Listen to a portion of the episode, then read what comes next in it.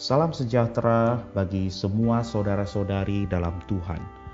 Di tengah masa pandemi yang berkepanjangan, yang memungkinkan mengauskan iman dan harapan kita, kami dari Yasperin ingin menguatkan anak-anak Allah dengan program Firman Tuhan di tengah pandemi. Dalam keadaan seperti saat ini, kita memerlukan firman, dia yang menopang segala yang ada dengan firman-Nya yang penuh kekuasaan. Dalam kesempatan ini saya akan menyampaikan firman Tuhan yang berjudul Hidup tanpa kekurangan.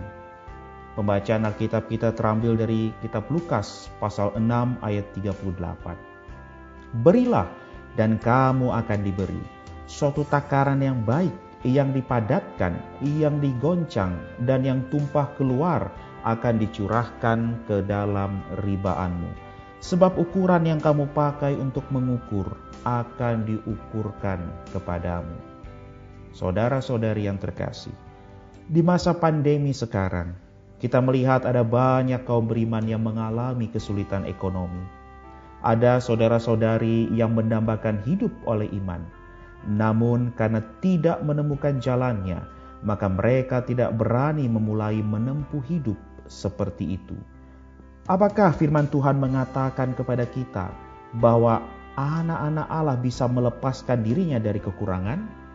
Jawabannya adalah ya. Kaum beriman hidup dalam kekurangan dikarenakan ada kalanya yang tersisa pada mereka masih terlalu banyak. Mereka lupa memberi kepada yang lain. Prinsip yang diajarkan Alkitab adalah berilah dan kamu akan diberi bukan hanya menerima, melainkan memberi dulu, baru kemudian menerima. Prinsip Allah adalah kita harus memberi lebih dulu, baru kemudian kita akan diberi. Akan tetapi prinsip kita adalah meminta Tuhan memberi lebih dulu.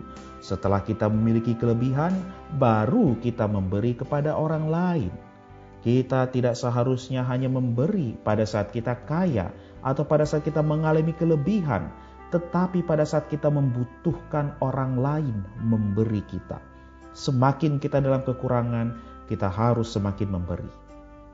Semakin kita berharap menerima pertolongan dari orang lain, kita harus semakin memberi pertolongan kepada orang lain. Jika benar-benar melakukan menurut janji dari ayat ini, kita akan benar-benar melihat janji Tuhan tergenap dalam hidup kita. Dalam satu raja-raja, pasal 17 ayat 7 sampai 16. Kita dapat melihat kisah Elia dan janda di Sarfat. Segenggam tepung dan sedikit minyak yang dimiliki janda Sarfat itu hanya cukup untuk dibuat seketul roti bagi dirinya. Tetapi ia perlu memberi. Ia perlu memberikan roti pertamanya kepada Nabi Elia Sesudah itu Tuhan menopang hidupnya dan hidup anaknya selama tiga setengah tahun. Bila Tuhan tidak menghendaki kita melakukan sesuatu, tidak ada yang bisa dikatakan. Tetapi jika ia telah memimpin kita untuk memberi, kita harus memberi. Janganlah kita takut terhadap pimpinan Tuhan. Kadar ketaatan kita terhadap Lukas pasal 6 ayat 38 ini akan menjadi kadar berkat yang kita terima dari Tuhan. Diberkatilah mereka yang mau memberi dengan ukuran yang penuh kepada orang lain. Mereka akan melihat Tuhan Sang Sempurna itu bekerja bagi mereka dengan ukuran yang penuh. Demikianlah firman Tuhan. Kasih karunia Tuhan Yesus Kristus menyertai kita semua. Amin.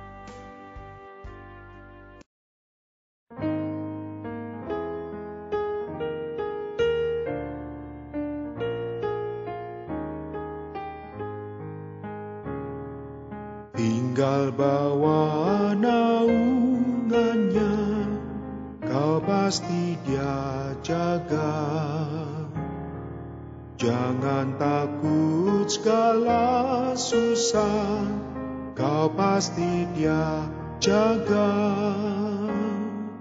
Kau pasti dia jaga setiap waktu dia menjaga Kau pasti dia jaga kau pasti dia jaga. Walau hatimu gelisah, kau pasti dia jaga. Meski banyak kejahatan, kau pasti dia jaga.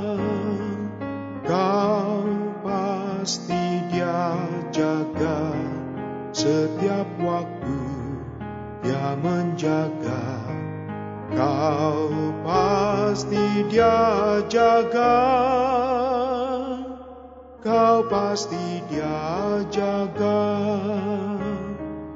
Allah mendengar doamu, kau pasti dia jaga. Dia sediakan semua perlumu, kau pasti dia jaga. Kau pasti dia jaga setiap waktu dia menjaga. Kau pasti dia jaga. Kau pasti dia jaga. Waktu godaan menimpa, kau pasti dia jaga. Saat lelah sandarlah dia, kau pasti dia jaga. Kau pasti dia jaga setiap waktu dia menjaga.